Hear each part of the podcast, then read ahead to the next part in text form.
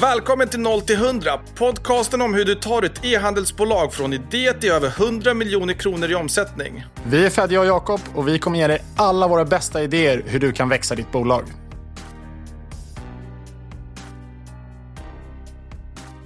Hej och varmt välkomna till podcasten 0 till 100. En podcast där vi kommer att prata med grundare, operatörer och investerare som agerar inom retail och kanske framför allt det som har mycket fokus på just e-handel. Vår vision med den här podden är att hjälpa och inspirera entreprenörer och personer inom branschen att sträva efter det där lilla extra. Och vi kommer vara så transparenta vi bara kan med alla våra bästa taktiska knep som gör skillnad i din vardag, vare sig det kommer till att förhandla med leverantörer, resa kapital eller att hitta storyn som gör att ditt bolag lyfter med paid social. Vi hoppas helt enkelt att vi kan få vara en del i resan när du tar ditt bolag från ett sidoprojekt till en scale-up. Återigen, varmt välkomna till 0 till 100.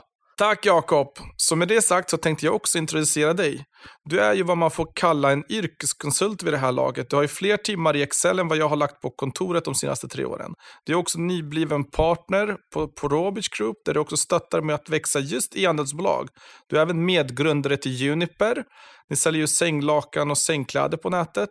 Och vi kommer komma in på Junipers resa lite senare i podden. Men innan det så var du ju bosatt här i New York. Så berätta, hur var det och vad gjorde du där? I New York så var jag ansvarig för Business Swedens eh, New York-kontor. Business Sweden hjälper svenska bolag att ta sig ut i världen och har kontor i ungefär 40 länder, i tre kontor i USA. Och jag var där under en, en treårsperiod, fick uppleva pandemin i New York eh, med min familj. Det var, det var helt nedstängt och vi hade till och med en lördag där under pandemin när vi i familjen stod själva på Times Square utan att det var en enda annan människa på hela Times Square. Och, och jag kan säga för er som har varit där så är det en, en ganska surrealistisk känsla. Det känns som att man är med i någon form av apokalypsfilm. Men nu i slutet på våren här precis så flyttade vi tillbaka till Europa. Eh, jag, min fru som är medgrundare också till Juniper, eller den som framför allt driver Juniper, och våra två barn. Och sen så har vi ett tredje barn på väg här i, i november. Det är ju spännande. Tre barn och så har du hela den karriären som du ändå har båda två bakom er. Och så har ni flyttat till Sverige på köpet. Ja, exakt. Det är ett visst pusslande. Det var väl eh, senast i morse här så fick jag skriva ett eh, sms till, till dig och säga att jag är lite sen för att Matilda kändes lite krasslig. Jag åkte på att ta barnen på bussen, för just nu så bor vi en bra bit ifrån dagis, och, eh, och sen ta mig hit. Men eh, jag trillade in med andan i halsen och, och kanske inte mer än fem minuter sent ändå, så det gick eh, hyfsat bra idag. Ja, men det måste vi ändå ge dig. Så att jag, jag vet hur det är och jag förstår när eh, det här eviga pusslandet med, med både fru och barn ska till. Men eh, jag tycker du gör det med bravur här, i alla fall sen du började på, på Roberts Group. Så berätta lite mer, vad gjorde du på Business Sweden? Men vi hjälpte många typer av bolag, så jag hjälpte bland annat e-handelsbolag. Det var väl kanske hälften av min tid ungefär på Business Sweden. Men sen hjälpte jag även mycket life science-bolag. Och, och sen finns det även de bolagen som någonstans agerar mittemellan e-handel och life science, alltså bolag som har health tech-produkter men som är vända mot individer, där, som såklart också blev ett fokusområde. Och vi hjälpte helt enkelt bolagen att ta sig in i USA. Det kan vara både när det kommer till liksom den digitala anpassningen, men även med fysisk distribution eller marknadsanalys eller en bredare go-to-market-strategi. Och det beror såklart också lite på hur stora bolagen är, hur, hur stora scopen är helt enkelt. Men i princip så fungerar det som en konsultorganisation, men bolag som är lite mindre har möjlighet att få subventionering från staten. Så att jag kan varmt rekommendera bolag som ska internationalisera sig och ta sig ut världen att åtminstone höra av sig till Business Sweden för att se vad det finns för möjligheter att få hjälp. Och innan det har du jobbat mycket som managementkonsult och hjälpt hur många bolag som helst med allt ifrån lönsamhet till nedskärningar. Ja, för all del. Nedskärningar är väl inte favoritprojektet precis, men eh, det var under en, ja, en knapp åttaårsperiod i, i början på min karriär som jag jobbade först på Kvarts och sen så precis när jag slutade egentligen så köptes Kvarts upp av Bain Company, den stora amerikanska konsultfirman. Och det var en väldigt spännande resa, väldigt lärorikt extremt mycket arbetstimmar, men förhoppningsvis någonting man kan ta med sig i resten av livet och, eh, och utnyttja nu när vi ska försöka hjälpa andra bolag. Så egentligen så snubblar du in på din e-handelsresa där med Juniper, eller berätta hur ni kom ens, hur kom ni ens på det? Varför vart det en e-handel av Juniper? Ja, alltså det var väl drivet av det faktumet att det var väl några olika saker. Dels min fru då, Matilda, hon var väldigt inne på att starta bolag. Hon hade många olika idéer och jag är i grunden liksom en, en ganska skeptisk konsult. Jag tror att där skiljer du och jag oss lite åt. Att du, du ser stora visioner och framgångar och jag ser problem och hur man, eh, vad liksom allt som kan gå fel på vägen och förhoppningsvis kanske vi där kan komplettera varandra. Men jag sköt ner en del av de här idéerna tror jag och sen så kom vi någonstans på Juniper där en, en sommar. Det var också i slutet på, jag hade faktiskt jobbat med strategiutveckling för Hemtex som är då Sveriges största sängklädesförsäljare. Och det gjorde väl att liksom mina tankar var lite extra mycket på sängkläder. Så bodde vi på ett fantastiskt hotell. Vi var väldigt, väldigt nöjda med sängkläderna där och eh, någonstans där i konversationerna strax efter vårt bröllop så uppstod Juniper och det fanns väldigt fina stora enar i den här trädgården som då på engelska kallas för Juniper Trees. Eh, det sammanföll med att vi hade en dotter som var sex månader gammal, hon hette Juni. Och jag sa till min fru vid något tillfälle att, ja men vet du att de här faktiskt kallas för Juniper Trees? Och sen så kallade vi Juni för Juniper i en vecka kanske. Och sen så Samtidigt som vi diskuterade då att sätta upp bolaget och då någonstans där uppstod bolagsnamnet. Och eh, sen sa min fru upp sig och vi, vi startade Juniper. Jag gick tillbaka till jobbet men har sedan dess haft eh, två jobb i någon utsträckning. Nej, men häftig resa någonstans och, och det är ju svårt för vi alla entreprenörer kan ju relatera.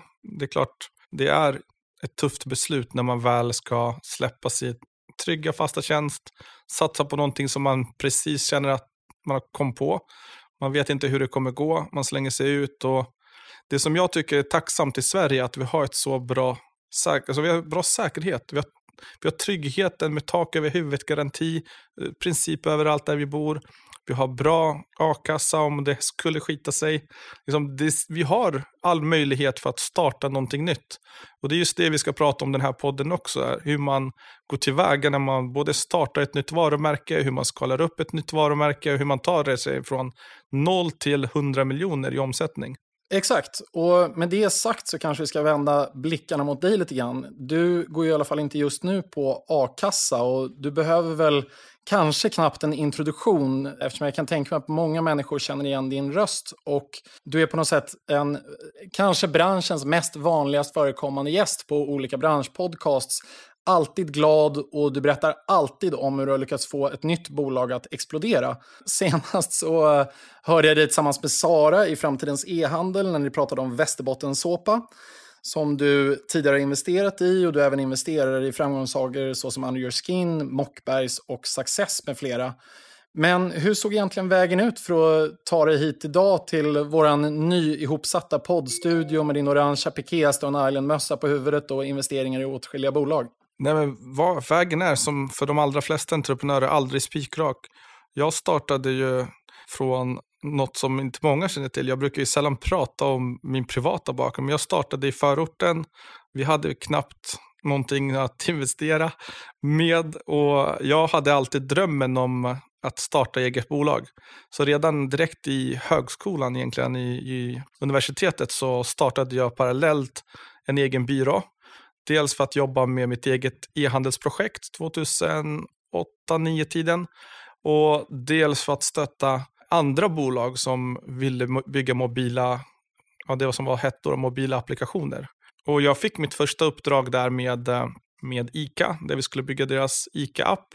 Och parallellt med det så byggde jag Magento-sajter på, innan Magento var, var populärt, någonting på någon open source-variant. Och spolar man fram till många, många år senare så har man ju lärt sig ett och annat ifrån både branschen, ifrån större bolag och nu senaste åren med mindre bolag med ägarledda D2C-varumärken. Och jag har ju varit och petat i alldeles för många bolag, skulle man fråga mig själv. Och med erfarenheten i, i ryggsäcken så har det varit kul att, att bara gästa och dela med sig i, i de här olika podcastsen. Men jag även alla olika forum och, och Facebookgrupper som jag har varit med och delat tankar och inspirationer i och tips och tricks. Min livsfilosofi har alltid varit att uh, man ska tänka life game. Livet är långt, Sitt inte och håll på de bästa taktikerna. Dela med dig av det så kommer det gynna dig längre fram i livet. Visst att du kanske får kortsiktigt någon mer konkurrent som gör likadant och till och med kanske slår dig. Men långsiktigt så har du skapat hundratals nya kontakter, du har skapat hundratals nya människor som, som tycker det här är inspirerande och det du gör är vägledande. Och det har varit min livsfilosofi. Och även om jag delar receptet på hur du gör en perfekt pizza så kommer den inte smaka som den gör nere i Napoli. Så jag tänker någonstans att vill man ha ha och göra det som jag gör, då kanske man till slut ändå vänder sig till mig. och Det är det som alla bolagen som du nämnde och rabblade upp där har gjort. Så det är på de vägarna som de har hittat till mig. Någonstans har vi hittat till varandra och sen har vi satt en strategi och jobbat ihop för att växa fort. Med det sagt så tänkte jag nästan att vi ska dyka in i dagens avsnitt av 0 till 100. Och dagens ämne är alltså det högaktuella ämnet Black Week och hur man gör för att maximera försäljningen under de kommande veckorna. Vi har bestämt att målet för dagen ska vara att vi ska ge iväg 50 taktiska knep som kan hjälpa dig att maxa din försäljning. Vi får räkna efteråt om vi lyckas nå hela vägen dit, men oavsett så kan vi nästan garantera att du kommer få med dig något. Så agendan hade jag tänkt är som följer. Först så skulle jag prata lite om omvärldsläget. Sen ska vi prata om hur bolag behåller lönsamhet under Black Week. Hur man lyckas få uppmärksamhet i sitt bolag. Eh, specifika tips för paid social, inklusive ad creatives. Lite om CRM, eller alltså e- e-mail och sms och hur man ska tänka där. Influencers. Och möjligen även att vi touchar in någonting på landningssidor på slutet. Så om vi börjar då med omvärldsläget. Hur skulle du beskriva omvärldsläget eller alltså egentligen e-handelslandskapet i Sverige just nu? e-handelslandskapet i hela världen är egentligen ganska kärvt. Vi ser att eh, många e-handlare har det tufft. Det är inget att sticka under stolen med. Vi har köpt in alldeles för stora lager både 2021 och 2022 när vi såg att eh, e-handeln exploderade. 2022 var ju första året, egentligen hösten, där vi fick en kalldusch.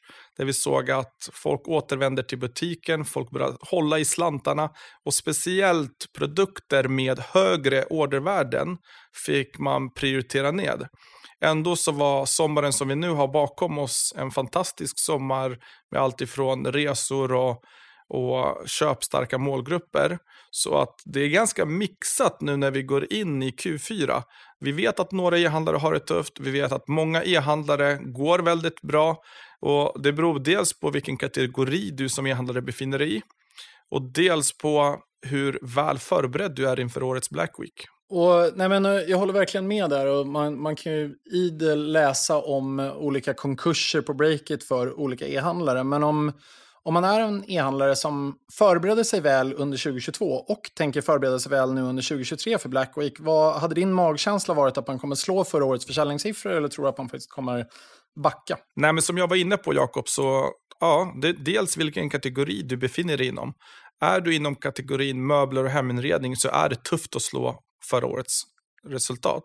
Och det sagt så är det inte omöjligt. Vi båda jobbar ju med ett bolag som vi väl känner till och ni jobbar ju med sängkläder på Juniper och det går ju att växa än idag. Det kräver en del förberedelse och min magkänsla är ändå att jag vet att de bolagen vi jobbar med med all sannolikhet kommer varenda en slå förra årets hela Black Week-period. Och med all sannolikhet kommer de också slå förra årets både omsättning och resultat.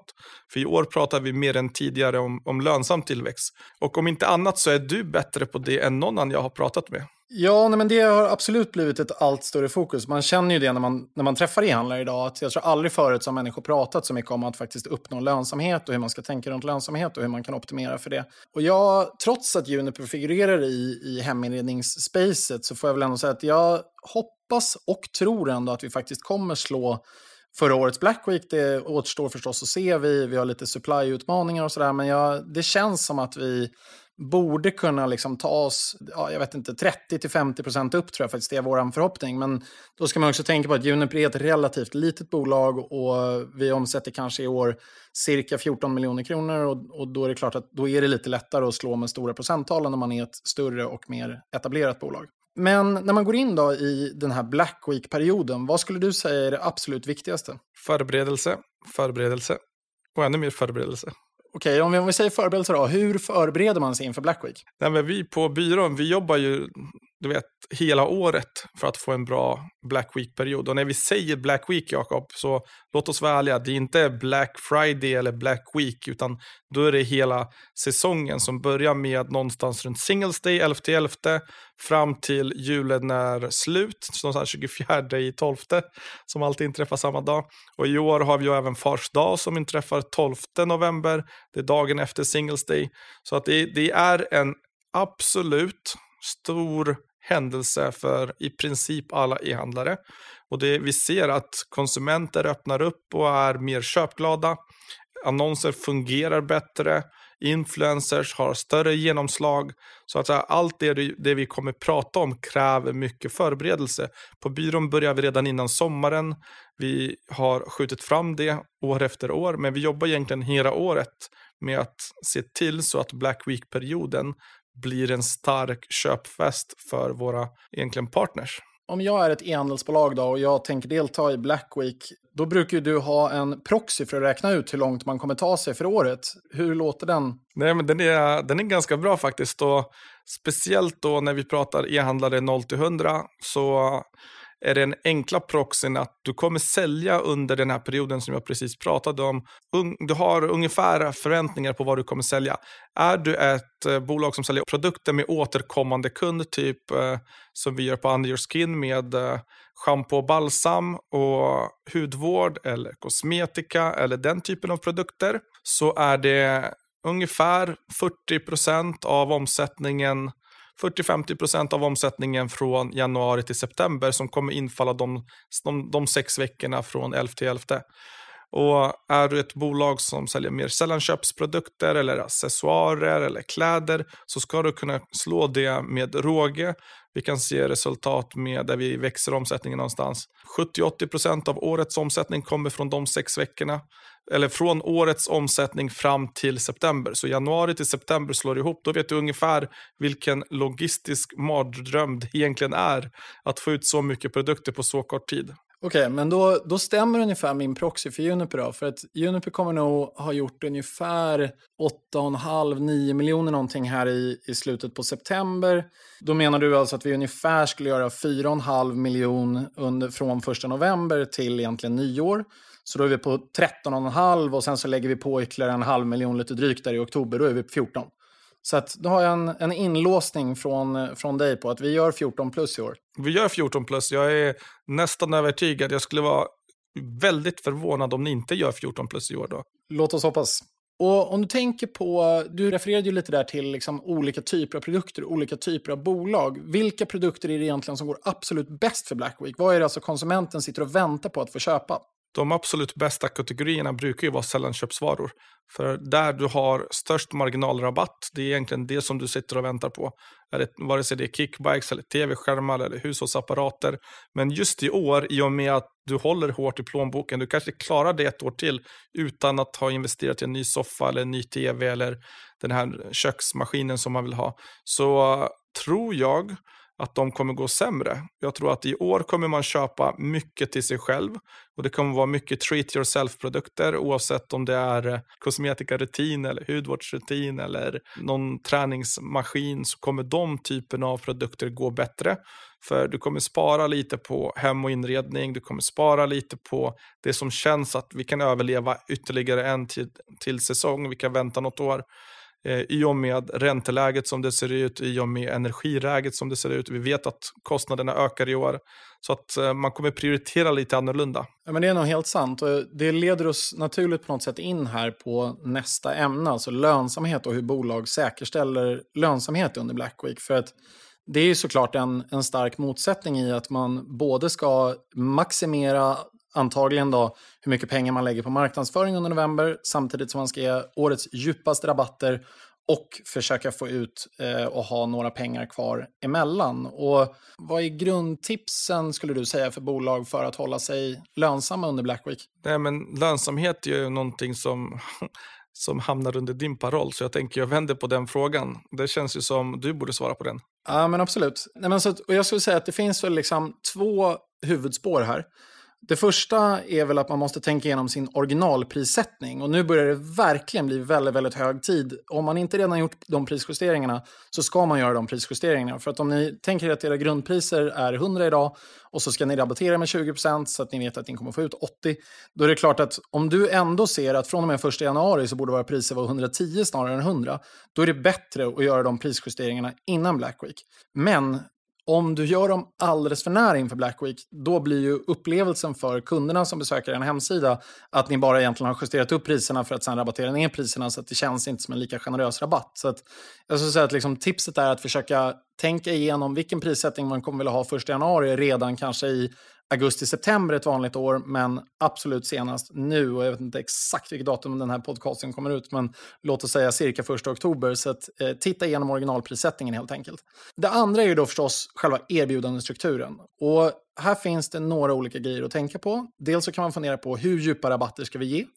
Man kan också fundera på hur man lyckas behålla marginalkronor så att egentligen försöka ge människor incitament att öka average order value eller basket size. Så att istället för att bara ta sin bästsäljare och ge en djup rabatt på den så säger man att man tar sin vanliga average order value och så säger man att du får den här djupa rabatten vid ett köp över eller du får en free gift vid ett köp över eller liknande typer av metoder för att helt enkelt se till att det nominella antalet eh, marginalkronor som finns kvar när man gör ett köp är lika stora. Och det sista är väl helt enkelt att inte göra det här baserat på magkänsla, utan göra som jag gör. sätta in sakerna i Excel, räkna nogsamt. Tänk på det faktumet att om du erbjuder bundles till, till vardags och du redan har 15% rabatt på en bundle i normala fall, ger du ytterligare 20% rabatt på den, då kan du börja komma ner mot väldigt, väldigt nära kanske din, din liksom grossmarginalnivå och det är ju inte eh, bra då helt enkelt, för att då, då tjänar du inga pengar. Så att det är väl liksom några grejer i alla fall att tänka på på lönsamhetssidan. Nej, men det var tre bra tips och en sak jag skulle vilja tillägga just kring regelverket. Och förra året, Jakob, så ändrades ju regelverket med hur man får rabattera produkter. Du har ju egentligen bara fyra stora realisationer, fyra stora kampanjperioder som en, en retailer får ha. Och rent tekniskt så infaller ju många av de här i Q4. Så man behöver ju tänka till, ska jag köra en hård rabatt nu på single stay, pausa en vecka och sen köra en ännu hårdare rabatt på Black Week, då måste jag numera visa priserna som jag hade det senaste lägsta priset. Så att det kanske inte är så smart att köra Singles day, svarsdag och så kör vi Black Week och så har vi Cyber Monday. Utan att man kanske satsar på en av de här eh, och då brukar ju Black Week vara den ganska solklara vinnaren.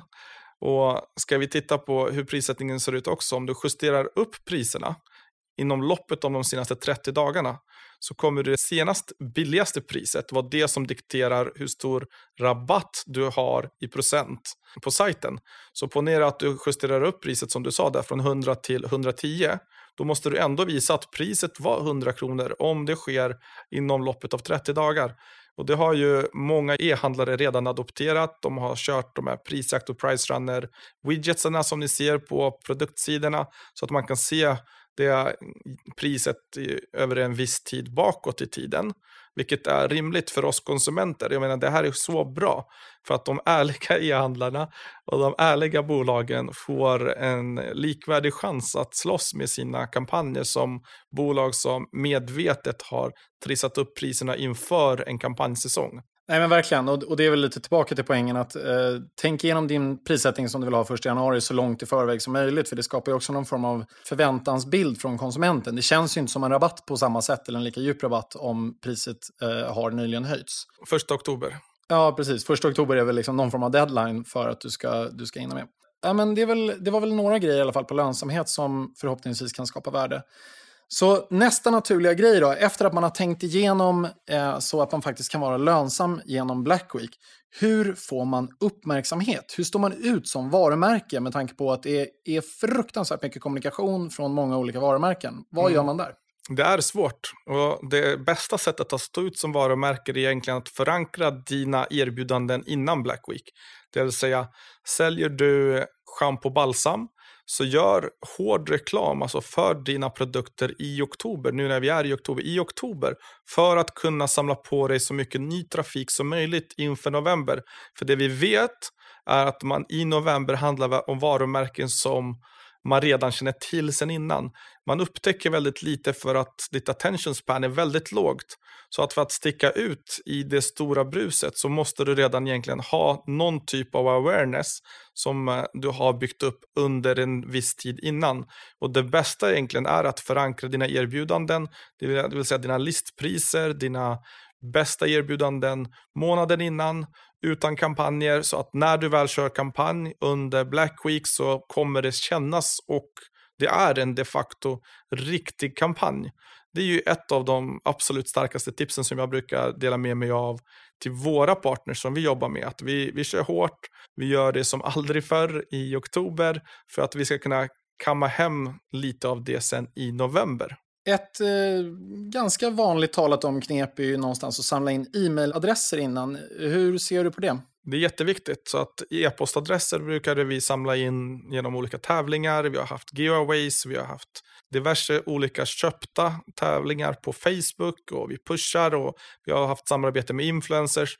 I år så kommer vi göra det lite med en twist. Så att eh, vi förlitar oss mindre på externa källor, mindre på enorma stora giveaways och eh, istället mer på, på egna traction och från egna sajter med refer a friend, med lojalitetsprogram och lite andra sätt att samla in mailadresser. Men mailadresser är ju ett sätt egentligen att få in top of funnel-trafik som inte har handlat av oss tidigare. För de som har handlat av oss, de har vi med all sannolikhet mailadresser till. Exakt. Nej, men vi, vi har använt det här en del på Unic. Man vill säga. Vi, vi körde Black Week-liknande events både i april och i augusti när vi samlade in e-mailadresser. Och, eh, jag har bland annat skrivit en artikel om det här på LinkedIn och, och egentligen den playbooken som vi använde under, under april.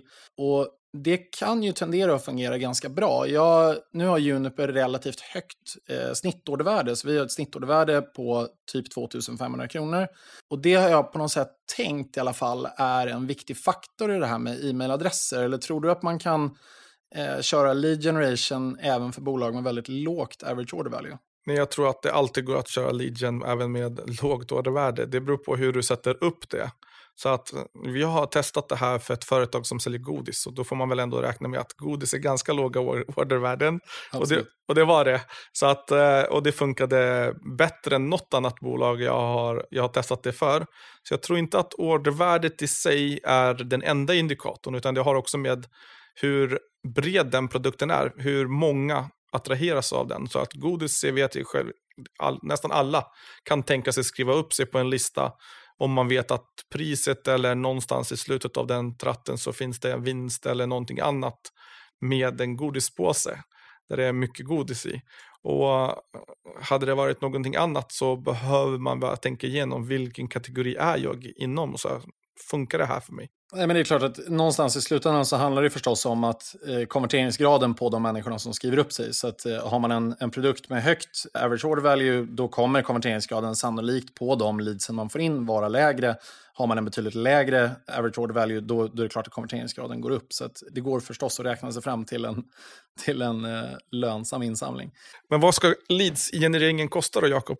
Har du koll på det? Nej, men det, det beror lite på. Vi har ju gjort det här nu några gånger med Juniper, så att jag har väl börjat få en känsla. Jag tror att när vi gjorde det med Juniper första gångerna, då, gjorde vi, då tänkte vi lite fel på det. Då exkluderade vi bort det, den målgruppen på Facebook som vi i normala fall vände våra annonser mot. Tanken med det var att vi någonstans skulle hitta andra människor och att, vi, att det skulle vara egentligen att vi skulle skydda vårt varumärke, tror jag liksom var grund, idén med det. Då hade vi extremt låg konverteringsgrad sen. För att det här resulterade i att det blev liksom väldigt mycket människor som hoppades på att vinna på Lotto eller hoppades på att vinna i en tävling. men kanske inte var sådär jätteintresserade av att köpa produkten. Nu har vi eh, inverterat det då egentligen. Så att vi, vi vänder istället lead collection mot människor som vi tror är väldigt benägna att köpa våra produkter.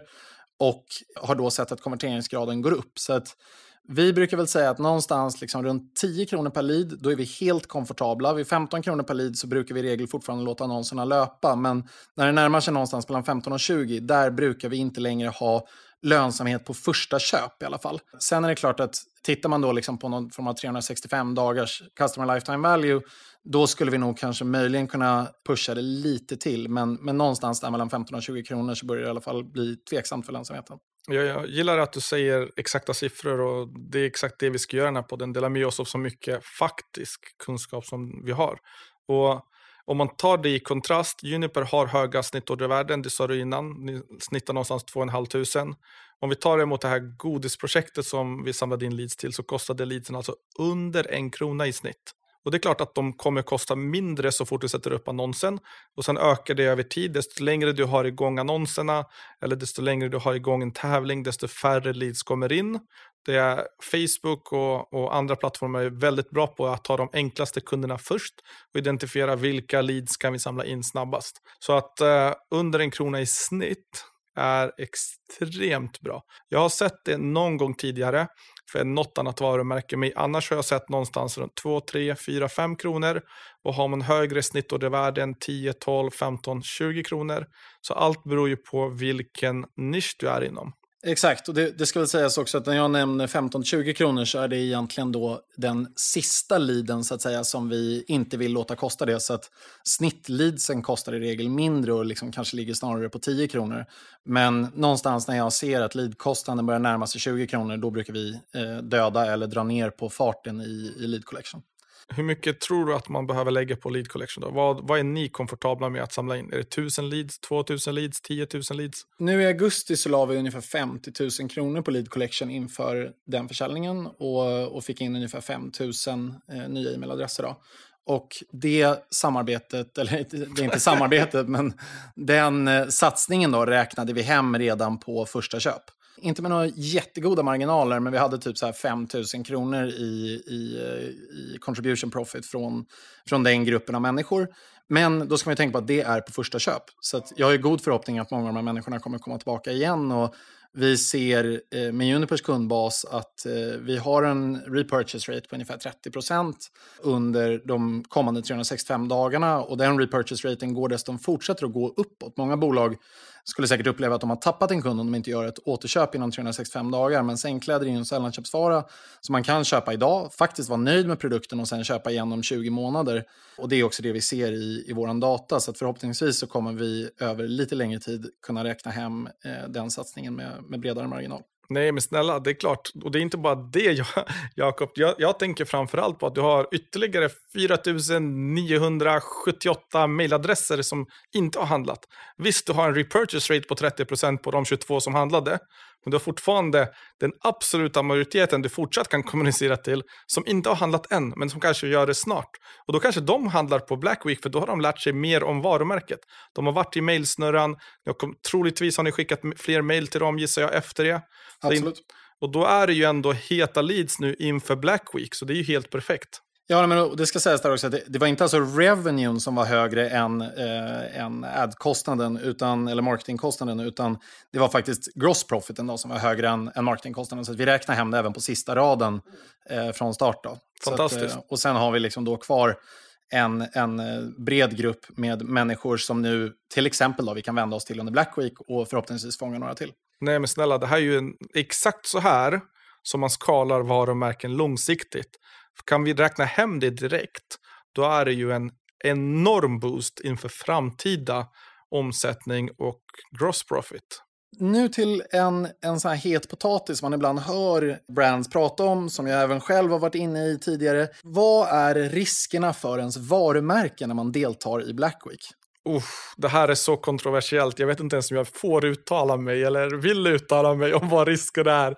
Jag är eh, ganska hård utav mig. Jag brukar säga att är man inte med och deltar i Black Week så missar man, alltså man förlorar i varumärket någonstans för att ens kunder kommer handla av ens konkurrenter. Man kommer tappa omsättning och det är dåligt för varumärket om du, no, de går till någon annan och handlar, eller hur? Så att vet man om att shit, jag sitter på bra produkter, det här är hållbara produkter, det är kanske till och med gjort i Sverige.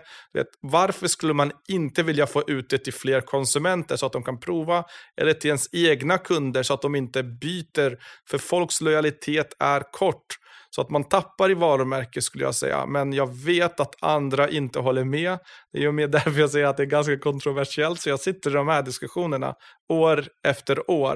Men jag tror att det har blivit lättare för varje år som har gått någonstans. Ja, men jag, jag, kan hålla med. Och jag, menar, jag tror att för, för fem år sedan, eller fyra år sedan till och med, när vi startade Juniper, då var vi faktiskt tveksamma första året om vi skulle delta i Black Week. Det slutade med att vi bara gjorde någonting på själva Black Friday. Det gav bra effekt den dagen och då kände vi väl liksom året efter det att det var, att det var värt att delta.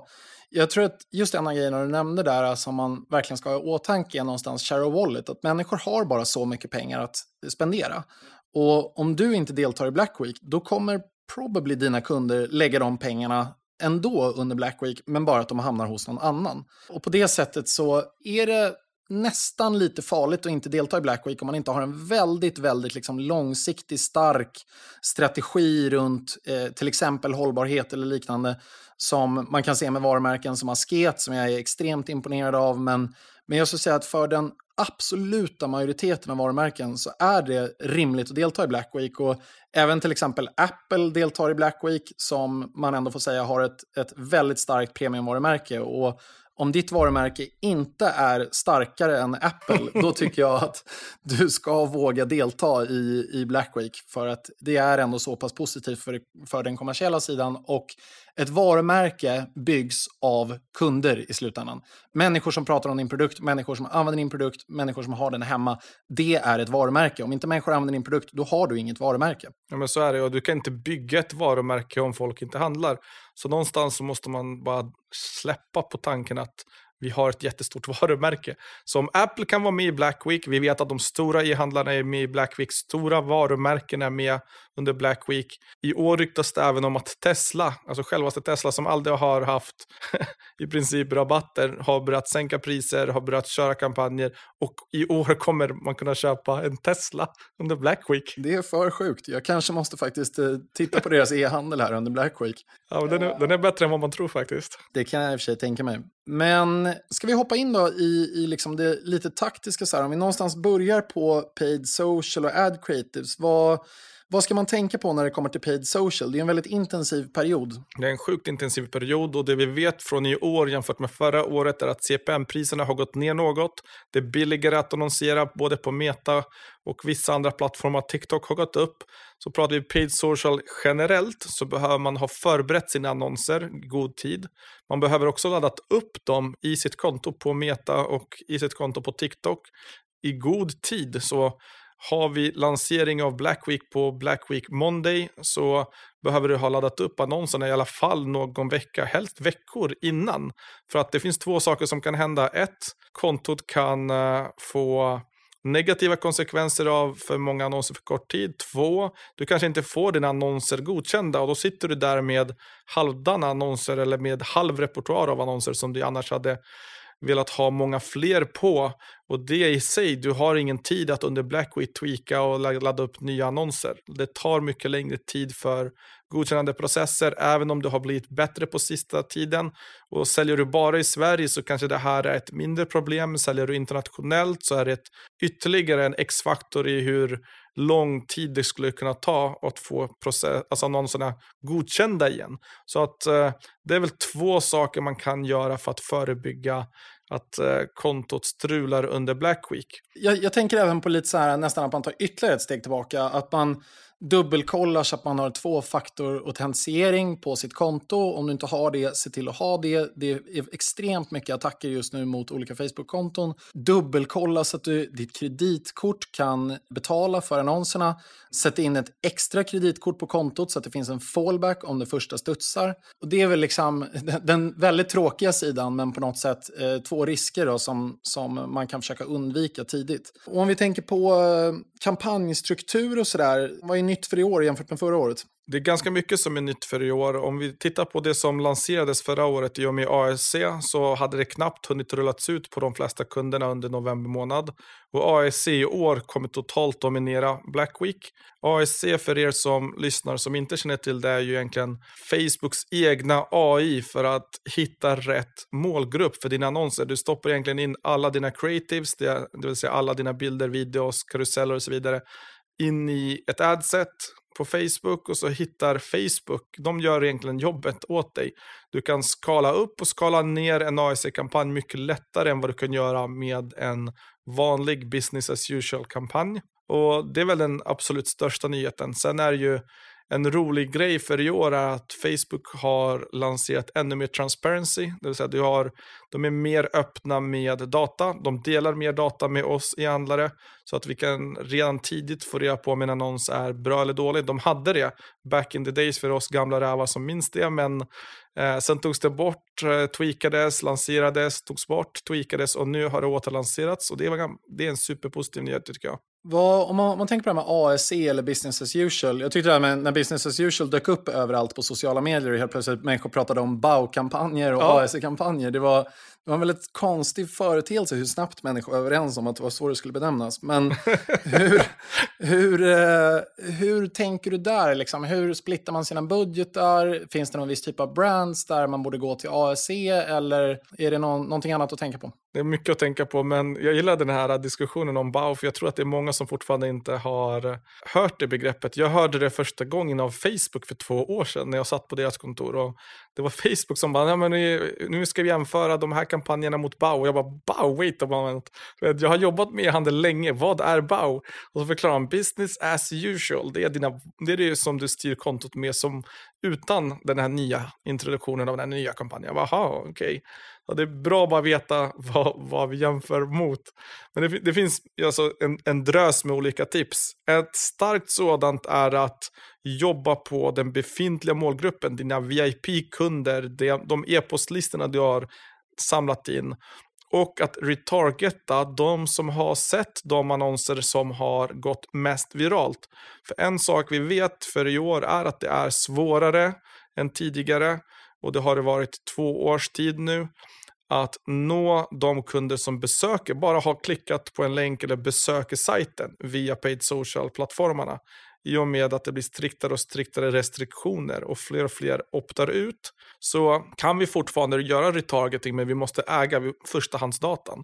Men vi måste också kunna retargeta människor som vi tror har varit inne på sajten i och med att de kanske har tittat på 75% av en av våra längre videos tidigare månader. Och det är en så här toppenstrategi som jag tror att många bortser. Och när man, när man kommer då till typ creative-sidan, hade du rekommenderat brands att gå ut med sina discounterbjudanden i sina creatives? Eller är det någonting man ska reservera för e-mail? Hur tänker du där? Det är tudelat, så det är klart att det beror på vart du är som starkast som varumärke. Du kan gå ut med dina bästa kampanjer först på e-mail, sen på sms och sen följer du upp det med paid social. Det är uh, enklaste vägen för att då slipper du betala för kunder som du redan har i ditt uh, nätverk. Och har folk handlat så är ju Facebook inte dummare än så. De kommer inte bomba en person som redan har handlat. Hyfsat bra koll har de ändå. Och du, har de inte det så kan du ladda upp de som har handlat löpande under Black Week. Så att om du drar igång Black Week på måndagen så kan du dra igång annonserna lite senare under måndagen. För då vet du ungefär vilka som har handlat redan. Det är en sån. Eh, en annan är ju egentligen att dina creatives ska vara så enkla som möjligt. Jag menar, så, ha så simpla förklaringar som det bara går. Komplicera för guds skull inte dina creatives, det vill säga ha inte enormt avancerade erbjudanden, ha inte erbjudandet i slutet på en 30 sekunder lång video, utan skapa en enkel GIF, en enkel karusell, en vanlig bild. Det ska klart och tydligt framgå, vad får jag ut av det här som konsument? Det är inte så svårt, Jakob. Eller? Har du nej, något nej, jag, jag håller med. Och just det med att, förra året så gjorde vi några lite för onödigt komplexa erbjudanden för Juniper. Det kommer vi inte göra i år för att det vi lärde oss var att det var nästan ingen som handlade om och det tog oss hysteriskt mycket tid att sätta upp dem där. Alltså det var en väldigt, väldigt dålig liksom, payoff i förhållande till arbetsinsatsen. Men, och sen, sen enkla annonser, eh, liksom enkla discount codes håller det väldigt, väldigt enkelt för, för kunden tror jag. Hur tänker du på liksom ens vanliga annonsbibliotek, eller vad man ofta kanske kallar för evergreens, då, som man låter vara löpande över tid. Tycker du att man ska stänga av alla dem under Black Week, eller ska man eh, låta dem vara påslagna fortfarande? Påslagna. De absolut bästa annonserna ska alltid vara påslagna. Om du pausar dem och sen bara byter ut hela ditt annonsbibliotek mot helt nya annonser under Black Week, så kommer kontot prestera sämre. Så att de, även de evergreen-annonserna kommer få skitbra resultat för att folk har kanske klickat på dem tidigare, de känner igen dem tidigare och eh, om inte det så har de ju fungerat tidigare, då kommer de fungera ännu bättre under Black Week. Och sen blir folk positivt överraskade när de kommer till sajten och sajten är Black Week-brandad. Är den inte det så ja, då kanske man ska tänka till en, en, en, extra, ett extra varv. Men vi kommer leda oss in på sajtdiskussionerna och vad man ska göra på sajten hoppas jag. Absolut, det ska vi, det ska vi absolut göra. Jag tänkte också, vi har, vi har inte egentligen Google på agendan, men jag tänkte ändå att är det någonting speciellt du tycker man borde tänka på när det kommer till Google Ads under Black Week-perioden? Nej, men det, Google är ett, ett helt eget egentligen svart hål som vi kan dyka ner i och prata hur länge som helst om. Men den enklaste och det vanligaste som i alla fall små e-handlare behöver ha stenkoll på är sitt shoppingflöde. Man behöver se till att det är kopplat korrekt, att man har saker i lager, att man har indexerat det och att sajten förmedlar alla priser, lagerstatus och så vidare till Google. För att det enklaste man kan göra är bara fixa de sakerna innan du går in på struktur och, och jobbar med det. Men det vi ser på Google är att när vi ökar våra paid social och awareness-kampanjer både i oktober och november så ser vi att det blir oerhört många fler som söker på varumärket under Black Week. Och det är en sån positiv trend som man måste ta, ta, ta för sig i och se till att man inte missar det. Exakt, men det, det är väl en jättebra poäng. Jag, jag har egentligen bara ett väldigt så enkelt tips där också som nästan alla tror jag kan agera på och det är att missa inte att sätta dina discount codes i headlinesen på annonserna. Både på brandat sök och på egentligen obrandat sök. För att under Black Week så kommer det vara väldigt många bolag som sätter rabatterna i sina annonser på Google. Om du inte gör det, utan du får det låta som att det är en helt vanlig vecka, då är det väldigt, väldigt stor risk att trafiken läcker ut till andra källor. Och framför allt om du är ett bolag som har försäljning i, genom tredjepartshandlare också utöver din egen hemsida, då kommer du helt enkelt trappa trafiken till dina partners, men där är ju också din lönsamhet sämre. Så att jag skulle rekommendera att försöka driva trafiken till din egen sida. Men vi går vidare. Vad har vi på agendan, Jakob? Vi har e-mail och sms, eller alltså CRM-hantering som nästa. Hur tänker du där? Hur ska man segmentera sina kunder på ett meningsfullt sätt utan att det liksom blir en, ett berg av arbete? Egentligen är inte segmentationen det, det, det viktigaste, utan det man ska först förstå är psykologin bakom. Och folk vill ha kommunikation under Black Week. Så man ska inte vara rädd för att kommunicera att vi har kampanj eller det här är kampanjen. Det är det som jag märker i de flesta diskussioner jag sitter i är hur många mejl kan jag skicka? Kan jag skicka två mejl? Folk ställer de frågorna i ah, någon typ av frustration i att man tror och man ser sig själv som att man blir spammig om man skickar lite för många mejl. Men man ska då förstå att det finns hundra andra bolag som man har subscribat till som konsument och alla skickar mejl. Ditt mail blir ett av hundra den dagen. I princip ish. Säg ett av 50, ett av 20. Det är ändå väldigt få. Så det är inte som att du skickar du 10 mail under Black Week så är det 10 av 1000 kampanjerbjudanden. Och man, för att sticka ut i det så behöver du ju ha dina bästa erbjudanden direkt i subject line. Få inte folk att behöva klicka sig in och läsa längst ner till mejlet för att sen klicka till sajten, utan ha ett klart och tydligt erbjudande direkt i subject, ha en tydlig preview på vad det är vi säljer och ha snygg grafik som egentligen är tilltalande för klick. För mejlet ska driva trafik, samma sätt som Google ska driva trafik. Vet, vi pratar om mycket om trafikanskaffning, men har vi inte trafiken till sajten så kommer vi inte få köpen. Och har vi fått in dem på sajten, då har vi lite mer tid på oss att bygga själva erbjudandet på produktsidan eller på kampanjsidan som man sätter upp för Black Week. Nej, men exakt. Och jag, jag tror att liksom, det där är en väldigt vanligt förekommande diskussion runt hur mycket ska man mejla under Black Week. Men man ska tänka på att sannolikt så kommer du Eh, och ditt bolag skicka för få e-mail. Det är nästan alltid bättre att skicka ett extra mejl än ett mindre e-mail. Oron när man skickar många mejl är ju att människor unsubscribar.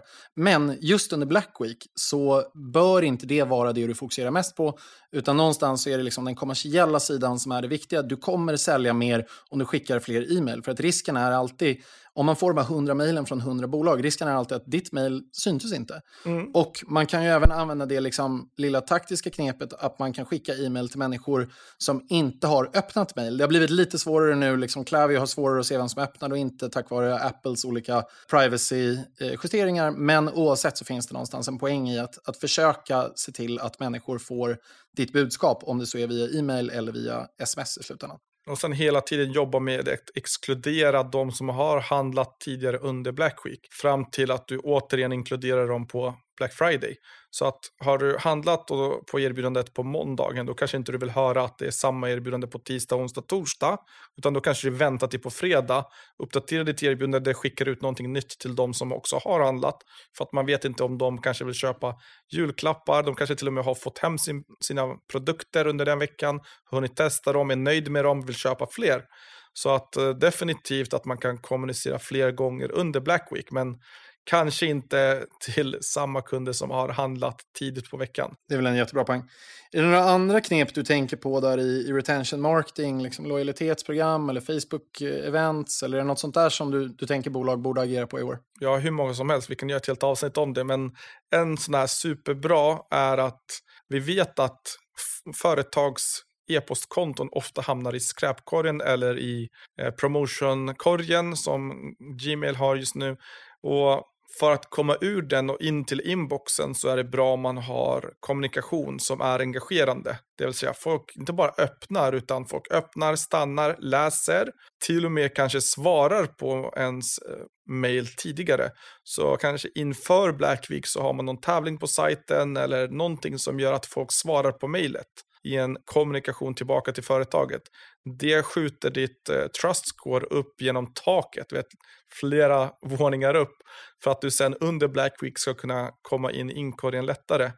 Det, det är ett så, så, stort och starkt tips. När vi pratar om uh, lite utanför mailkorgen, när vi pratar andra retention tips, så brukar vi i alla fall på på, på Roberts Group och för våra varumärken starta Facebook-event, ibland LinkedIn-event för det är egentligen gratis marknadsföring till ens befintliga målgrupp. Du når ytterligare i en annan kanal som inte är mail eller i och för sig sms. Så når du via en folks Facebookflöden. Och det brukar vara förvånansvärt många som registrerar sig att de vill komma på ett digitalt event. Så även om du bara är digital och du skapar ett digitalt event för Black Week så kommer ju Facebook sen då skicka ut en notis i 24 timmar inför och när eventet sen påbörjar att hej, eh, kom ihåg att Under Your Skin har Black Week startar nu på måndagen, bam. Och så är den ute och du får den här notisen i folks eh, notifications. Du kan också be folk subscriba och sätta det som en hög prio för att kunna kommunicera under den veckan via den kanalen. Och tro mig att folk gör det. De vill ha de här erbjudandena för de är dina bästa och mest lojala kunder. Så de vill inte missa det och då är det ytterligare en kanal man kommer runt egentligen det här e-postträsket som kommer med 10 000 mejl. Exakt, Nej, men jag, jag håller helt med. Vi, vi körde event förra året för Juniper, det fungerade relativt bra. Vi hade även, när vi körde lead generation inför Black Week, då, just en fråga om vilken typ av produkt var det människor var mest intresserade av att få erbjudanden på. Vilket eh, visserligen gjorde att vi hade en, en väldigt tung oktobermånad vad det gäller kundtjänst, för det kom in extremt mycket mejl. Men det eh, var nog ändå värt det i slutändan för att man får så pass stark deliverability på de e-mailen när man sen går ut i, under Black Week. Vad gjorde ni förra året som, för jag vet att Junipers bästa ever var Black Week. Absolut. Nej, men vi, vi nådde nog nästan mer än, eller, eller ungefär runt i ett estimat på att liksom 50 av, av försäljningen som vi hade gjort mellan januari till eh, september gjorde vi sen under november och december.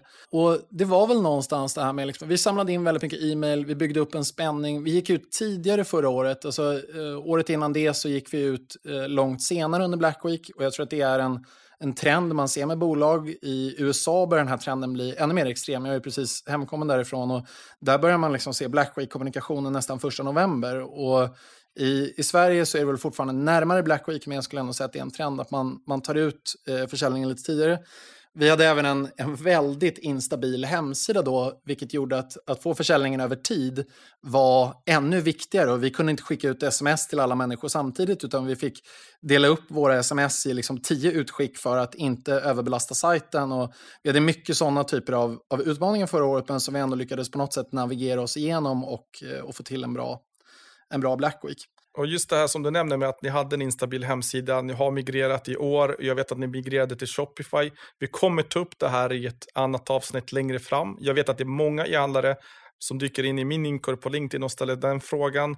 Så jag tänkte egentligen dissekera hur ni gjorde, hur ni tänkte, varför ni bytte, hur ni bytte, hur ni logiskt sett gjorde både en snygg och högkonverterande sajt. Jag läste också på ehandel.se att ni ökade konverteringen och att ni slår nya rekord och sajten är bättre nu. Så vi, vi dissekerar det i ett avsnitt längre fram, eller? Det tycker jag låter som en jättebra idé. Det känns som ett, eh, nästan ett helt eget avsnitt faktiskt att prata om, om just hemsidor. Men nu har vi någonstans pratat igenom ad creatives och paid social, hur man leder in trafiken, hur man ska höra av sig via e-mail och sms.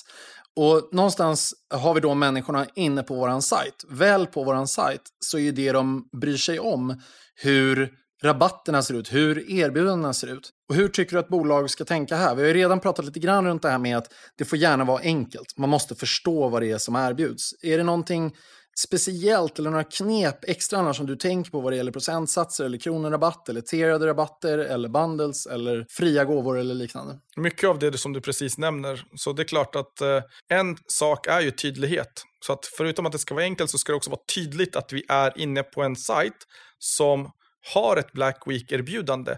Ha gärna du vet, en banner längst upp där det klart och tydligt framgår Välkommen till X, vi har det här Black Week-erbjudandet sitewide. Eller har vi inte det sitewide så klicka här så kan du komma till vår Black Week-sida. Då har man kanske en kampanjsida eller så har man satt upp en kategorisida med där det står Black Friday högst upp.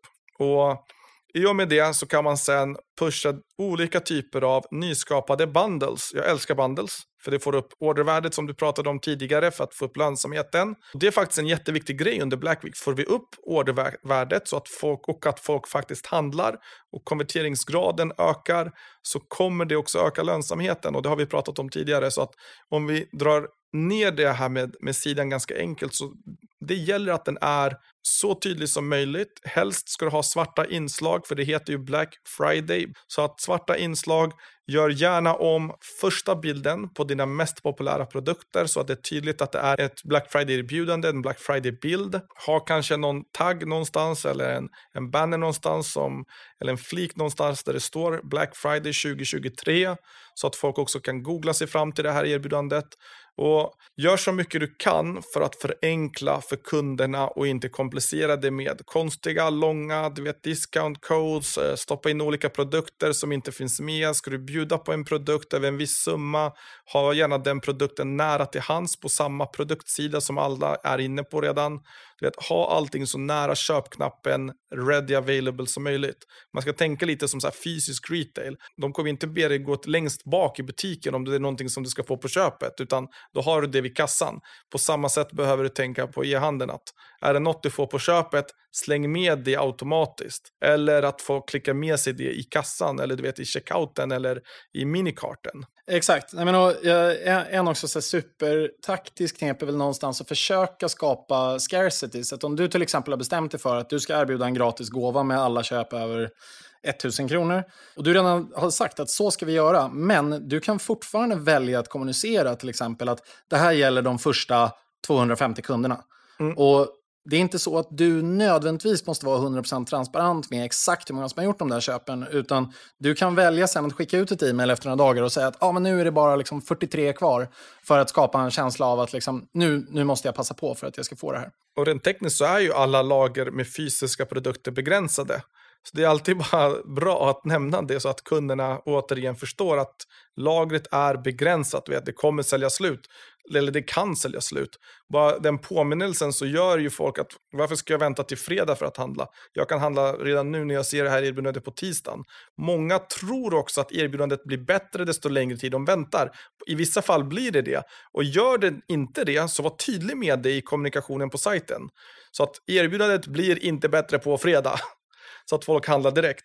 Exakt, och då är det bara viktigt att säga att då bör man verkligen hålla sig till det också och säkerställa att man har varit ärlig mot sina kunder för att annars kan man hamna i väldigt tråkiga konversationer med, med kunderna. Och massa returer. Och massa returer, exakt. Ett till knep här är väl också att använda länkar där rabattkoderna automatiskt appliceras. För att en, en sån kundtjänstgrej man kan hamna i är ju att människor gör köp, glömmer bort sin rabattkod eller får inte till sin rabattkod eller vad det nu kan tänkas vara. Har man automa automatiskt applicerade rabattkoder via länkarna i sina e-mail, då tappar man helt enkelt lite av den operationella komplexiteten av att ta sig igenom en sån här vecka. Och det är ibland enklare sagt än gjort. Om man sitter på Shopify så finns det ju länkar.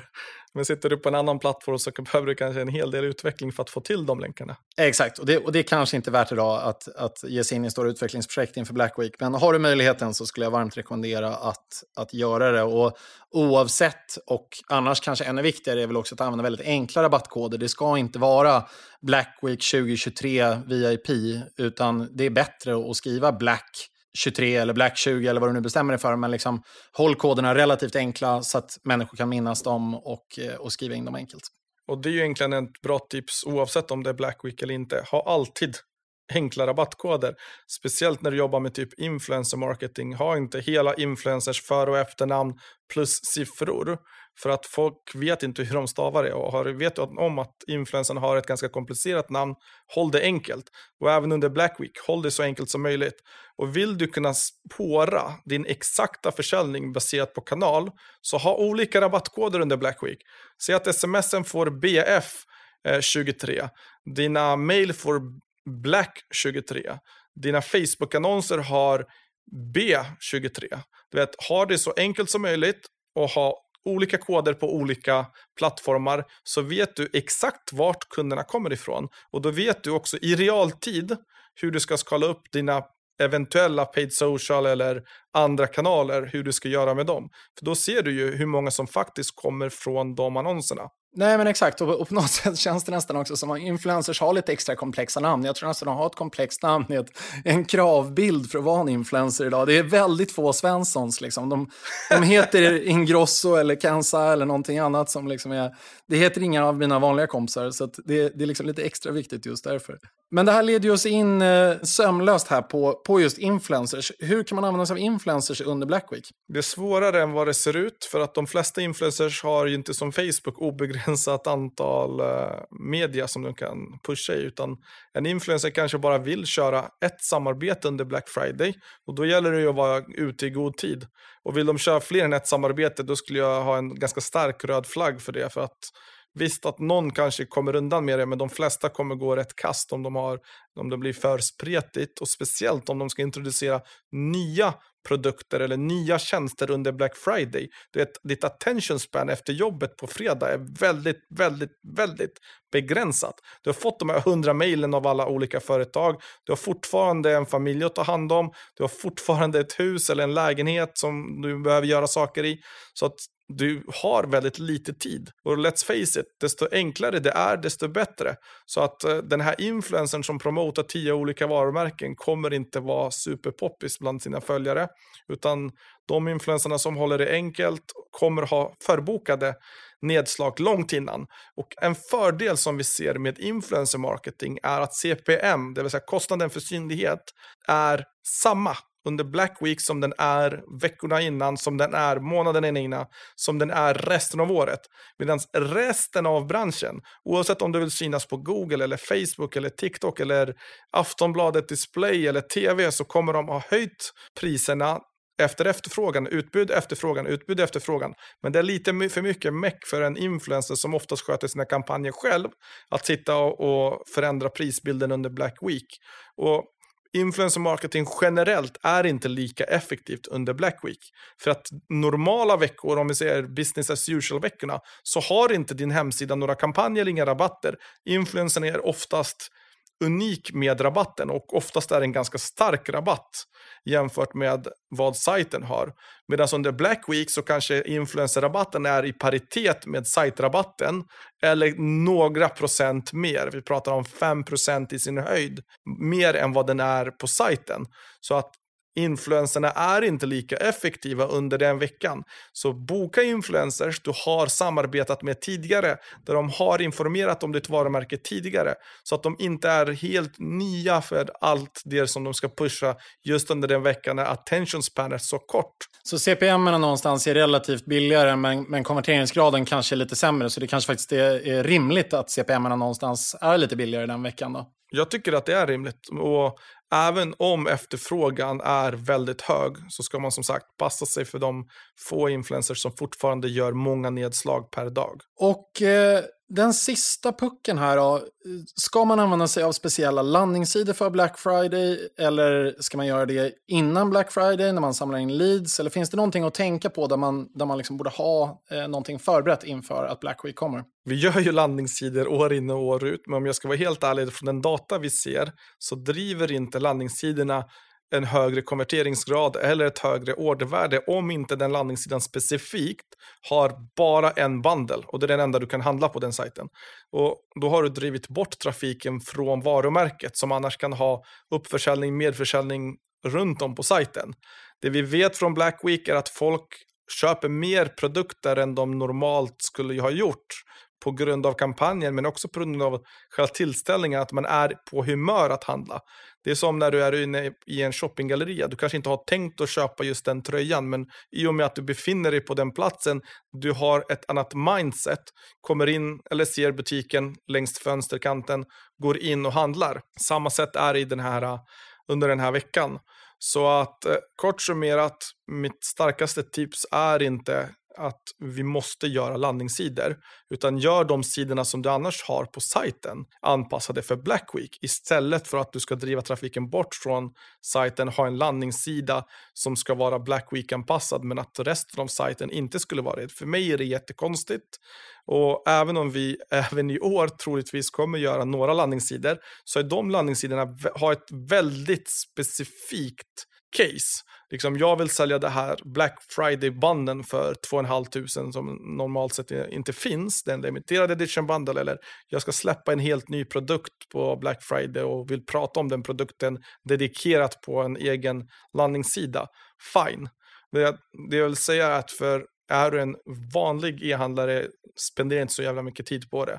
Men det, det, låter väl rimligt och det låter kanske lite som att har man en väldigt stark hero-produkt och man är ett bolag som har en, en väldigt stark customer lifetime value över tid, då kanske det finns ett starkare case för en landningssida, för då kan man någonstans under Black Week se till att man får en konvertering för första gången med nya kunder och sen hoppas man på att, att eh, hitta mer värde över tid. Medan som man är ett bolag då som, som liksom i lite större utsträckning beror av att ha ett lönsamt första köp, då kan det vara rätt värdefullt att ha dem på sin vanliga sajt så att man kan lägga mer saker i i korgen och göra ett, ett större köp istället och pusha mer för, för det till exempel. Nej men exakt. Och jag sitter här och, och tänker på om vi har missat någonting Jakob. Känner du att du vill lägga till någonting eller ska vi se att det är bra så? Nej men jag tycker att det här känns som att det blev en väldigt bra start på 0 till 100 och jag, jag har nog inte sådär jättemycket att lägga till men jag hoppas att ni som har lyssnat verkligen känner att förutsättningarna för att lyckas nu under Black Week är något bättre. Och det här är ju vårt absolut första avsnitt. Vi tar jättegärna emot feedback. Vill du komma i kontakt med mig eller Fedja når du nå oss båda enklast på LinkedIn. Vi länkar våra profiler i show notes så att ni kan hitta dem där. Eh, skriv vad ni tänker. Vi, vi ja, behöver helt enkelt förbättra oss och tar gärna konstruktiv feedback så att vi kan göra de här avsnitten så bra som möjligt framåt. Och även om det är någonting speciellt som ni vill att vi pratar om så gör vi förstås gärna det. Precis, och skicka topic-förslag till oss eller skicka förslag på intressanta personer som kanske inte har varit med på alla de här vanliga podcasten. Vi tycker att det här projektet känns jättekul. Vi kommer försöka släppa avsnitt varannan vecka, så vi hörs igen om två veckor. Hej! Hej! Jag har snott Björns hej. Tack för att du lyssnat. Vi är tillbaka nästa gång för att berätta om våra tankar om vad som händer i e-handelslandskapet och med våra senaste tips hur du kan växa ditt bolag och bli mer lönsam. Om du gillar det här avsnittet, dela det med en vän och ratea gärna podden med fem stjärnor och följ oss där du lyssnar på podcast så att du inte missar nästa avsnitt.